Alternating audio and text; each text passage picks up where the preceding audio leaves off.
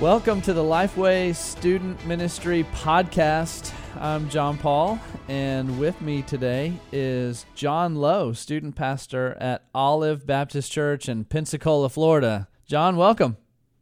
Yo, how you doing? I love that you gave him the yo. That's normally my spot. That's awesome. Uh, Absolutely, man. John, tell our listeners a little bit about yourself, how long you've been in ministry, how long you've been uh, at Olive, uh, and whatever else you want to toss in there. Thank you, John Paul. I've been involved in student ministry for about 25 years. Um, I'm in my 23rd year of full time ministry, and I married my wife. I, we met and married at New Orleans Seminary uh, 22 years ago, and we've been doing student ministry together our whole marriage. And uh, we have a son. He's a sophomore in college and a daughter who's a senior in high school. Good deal. Man, met at seminary, got married, been in student ministry ever since. That's awesome. It is. It's been good. It really has. Now, there was some difficulty in early years because Bobby felt called to ministry, and um, she was gracious and, and deferred to my calling and um, let me have the full time job. And when you know children came along, she stayed at home and raised our kids, and has always taught Sunday school. Has always spoken into student ministry. Um, has really been um, the the greatest uh, asset in my ministry for all of these years. And here recently, uh, in the past four years, she started working at the church with me in an associate role. Um, so that's been really good. We share an office. My desk is right here, and hers is next to me. So it's cool. Wow, you in the same in the same office, working in the same ministry. That's a. How about not every married couple in ministry could do that, John?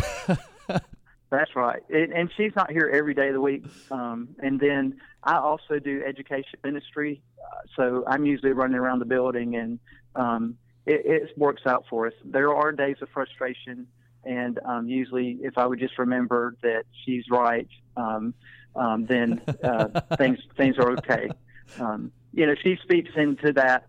She really has that student uh, perspective, that heart. You know, the softer side of, hey, we really could do this, and if we would do that, we would uh, be serving our students in a in a good fashion and things like that. So that's a good thing. Yeah. Well, I don't know how many times Crystal has given me wise counsel on something I was well in a lot of areas of life, but specifically in ministry. There've been a bunch of times I've said, "Man, I'm going to do this," and Crystal's like, "You shouldn't. You shouldn't do that." exactly. and, or or you should do this. And um, I have a very Type A personality. Uh, get it done. Get it done now. And yeah. Bobby really helps me with. Let's slow down and think about this a little bit and uh, look at the bigger picture. So that's it's been really good. Man, that's cool. That that that's really cool to hear that you guys are able to serve that way together. And man, it's not like she hasn't had uh, an incredible ministry, even in the years that she wasn't on staff at the church. Um, I'm reminding Crystal all the time that she's got the ministry that is most important to me in in raising our two boys. You know, being the primary caretaker for Levi and Titus, I'm telling her all the time, Crystal, th- this this right here is deep dive discipleship. you know, it, it's huge. It uh, doesn't get any more impactful than that. That's right. And she's really given me a great gift in that, you know, I know the home is taken care of, but she's here, you know, Sundays, Wednesdays, um, and we chose not to let our kids come to student ministry events until they were in student ministry. Yeah. Um, and that way we didn't wear out our students with our kids running around and that kind of thing. And that was just a philosophical decision we made, and and Bobby enabled that to happen. And of course, we had great babysitters and families that would help us so that she could be involved in our uh, activities or, that were outside of Sunday and Wednesday. So um, I've, I've really been blessed. Yeah.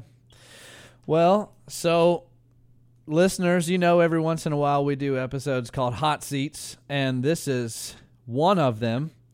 And so I've got five questions, John, to to kind of walk through, so we can let our listeners learn a little bit from your experience and the things that God is is doing in your ministry right now. So so here's your first question.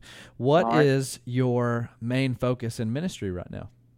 Well, right now is helping our students uh, get started, you know, back in school um, on a good foot. But I want them to realize their role on the campus as campus missionaries. Um, so we've been uh, trying to equip them to to be salt and light, but to be sensitive to the needs around them and to take the opportunity that God provides them to to speak into the lives of people around them. Um, first priority clubs are you know getting started, and I spoke at one a couple of weeks ago, and I said, look, you're the only organization on this campus that doesn't exist for its members. You exist for people who are not yet here, and you That's know good. that's that's my focus. I want them to have that outward focus. You know, it's so hard because they're very egocentric Yeah. and to try to think about somebody else and where somebody else is spiritually and to really help shape what eternity looks like by their their faith and their witness. That's that's been my main focus right now. So you mentioned first priority and kind of getting involved in those clubs and things like that. What else are you doing to to focus students in that direction? Well, we we also support FCA, and um, you know, next Sunday uh, we're bringing a guest speaker in, um, and we're inviting all the athletic departments from our local high schools to come in, and um, we're just going to, you know, this guy's going to share his testimony, but then uh, we're going to uh, hope to see them connect uh, to our faith, but to also see them make some some strides in who they about what they understand about who Jesus is and, and what God's plan for their lives are. Um, so we're we're trying to reach you know into our community in that fashion. Yeah, man, that's awesome. I love Yeah, any any opportunity to bring in, you know, to to bring kids and and to bring leaders and coaches and sponsors and all that kind of stuff into your environment there Right. through any kind of an event. I, I've always been a huge fan of that. There's Right. so much fruit there. Yeah, absolutely. And this Saturday night, we're having a block party from 6 to midnight. It's my answer to the lock in. But I've told the kids, I said, look, this is your opportunity to invite your friends to, to our church, but in a non threatening environment. You know, it's going to be times of recreation and, and activity. Um, but hopefully, we can connect kids who don't have a church to our church. Yeah. And then, you know, after they see that, you know, uh, we don't have three heads and things like that, that they can come back uh, on a Wednesday or a Sunday and, and kind of see what happens on a, a consistent basis. Man, I love that you're ending it at midnight because I remember about one o'clock is when I wanted to jam a number two pencil into my right eye in those Oh, my lock-ins. gosh. So Yes, midnight, indeed. y'all just get out of here. We've had plenty of fun. It's time for you to leave. Right. uh, so here's here's the next question. What's something you're learning right now? Well, um, I'm learning how to delegate. Um, my type A personality, I like things done a particular way at a particular time, and I'm I'm trying to learn how to let other people uh, into that and and to equip them uh, for the work of ministry.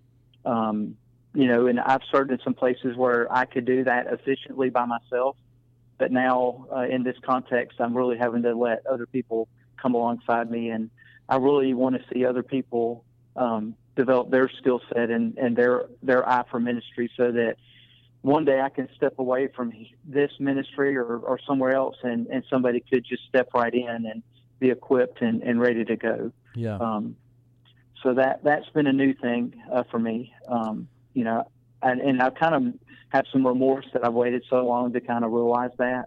Um, but you know, it is just that season for me right now. What what brought you to the place where you said, okay, I, I've got to dig into what delegation looks like? Well, I'm 47 years old. Um, I don't have as much energy as I used to. Um, I'm not um, as close to students' age as I once was, and you know, I need some of those younger people to help me know what's relevant. Um, what are the what are some trends and things that that we need to address? And they have the energy that I once had, and they can help uh, take philosophy and vision and, and implement it and and help uh, students grow uh, in their faith where they are. Yeah. So what kind of things, specific roles or responsibilities are you delegating? Well, you know, things like uh, Wednesday night. Um, you know, I don't have to do every activity when a, when a kid's on campus. I can hand that off and let other people, you know, have some of those responsibilities. Um, setting up for events. You know, people have have been gracious and come alongside me and and help me do, you know, some of the legwork um, to get things done. You know, for particular activities and uh, you know, just things such as that. So, have you had to do a lot of recruiting specifically for those roles, or did you have a team of people that were already in leadership to some capacity and you're just starting to hand them more, or how did that come about? Yes and no. Our connection group leaders, our Sunday school teachers, I give them first right of refusal on everything. Yeah. And so I go to them first, and then after that, I, I, I trickle down to other folks. And you know, now at the beginning of the school year here, we have new ninth graders. So this week, I've invited some of their parents to come and be involved. And that does a couple of things. One, it helps me get the things done that I would like to see done, but it also allows them to have an insider's view on what we're doing and why we're doing it, and you know, gives them the opportunity to buy in and, and be a part of um, something bigger than than ourselves. Yeah, man, that's really good. I like that. So, question number three: Where do you see Okay. God moving the most right now?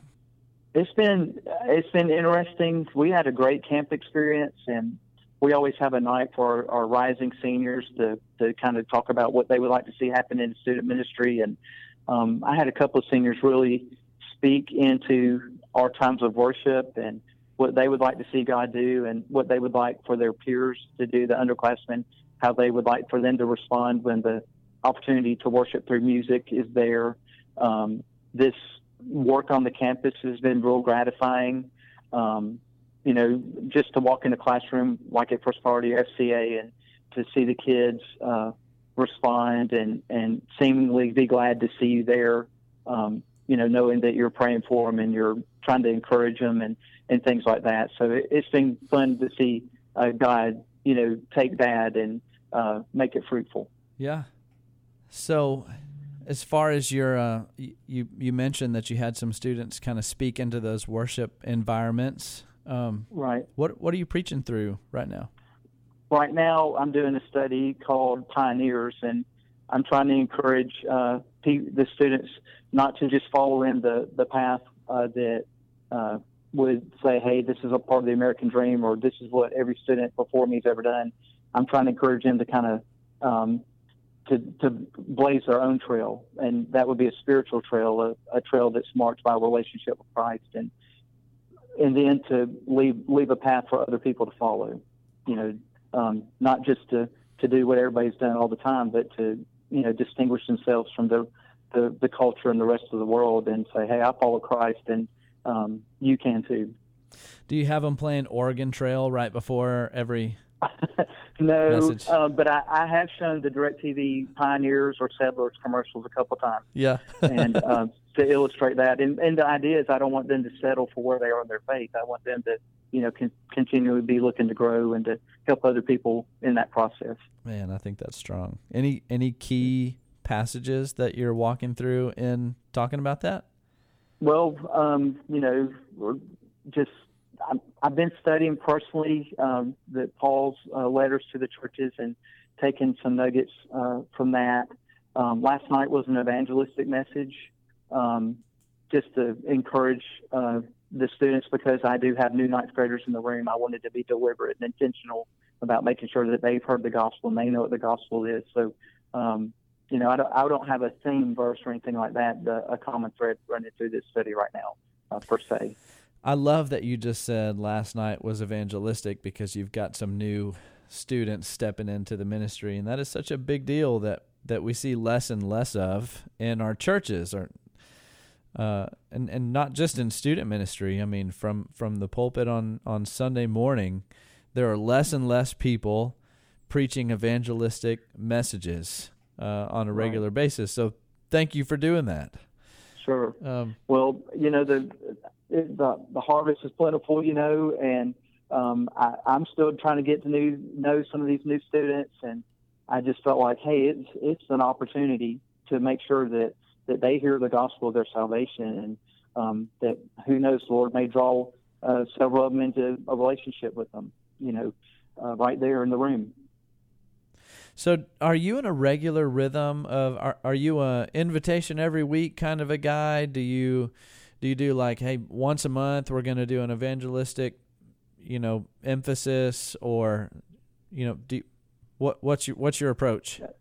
I'm I am a, a series guy on Wednesday night. It's it's the topical study, um, Sunday morning systematic. We use curriculum. Um, um, but on Wednesday, no. From time to time, last night I had one of our band members come up and just play the keys, and I did give the students to respond. I do have a response in some form every Wednesday, but it's not necessarily a, a walk down the aisle. It's more of a hey, look at me, raise your hand kind of thing, or um, you know, take your your hand and take your finger and write on the palm of your hand what your decision is. What what are you going to do tonight because you're here? How are you going to apply this to your life this week? Yeah, that's great. Uh, so next question: What's the best thing you've done for self development lately? Well, because I'm doing education as well, I've I've been to um, a beta conference, uh, and now it's called Minister uh, Emmy Minister uh, Yeah. Essentials. Essentials. Yep. Yes, thank you. And um, that's been really fruitful to, to spend some time with some guys. Um, a group of youth pastors from Northwest Florida.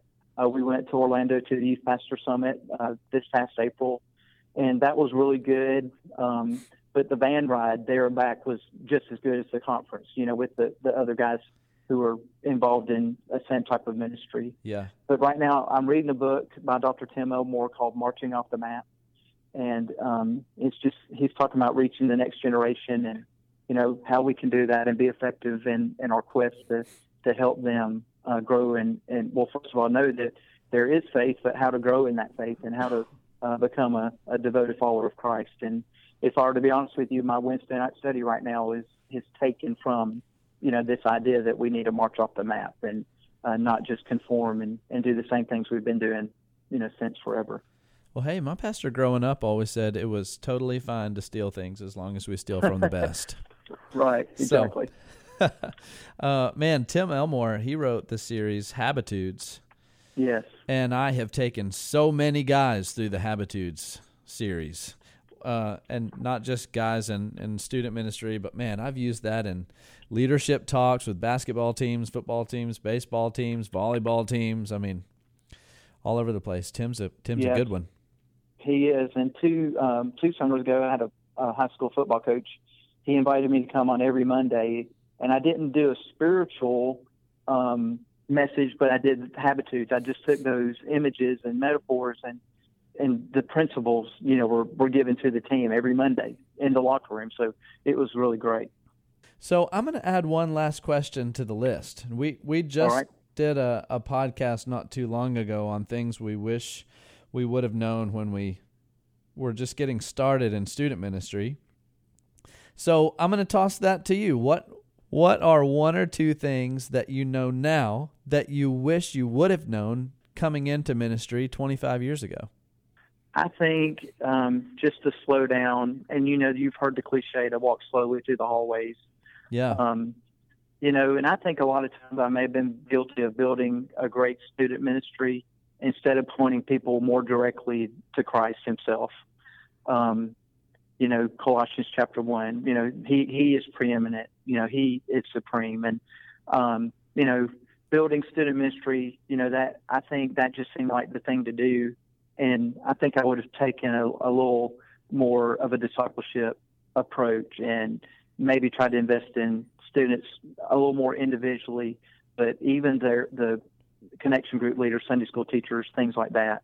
Um, Yeah. I think that might have been more fruitful, um, you know, and, and just be real intentional about the things that, that we've done, uh, what we what we chose to do. You know, um, I planned a few ski trips and never got to go on them. God moved me, but I, I, I don't know that the ski trip was the most important thing.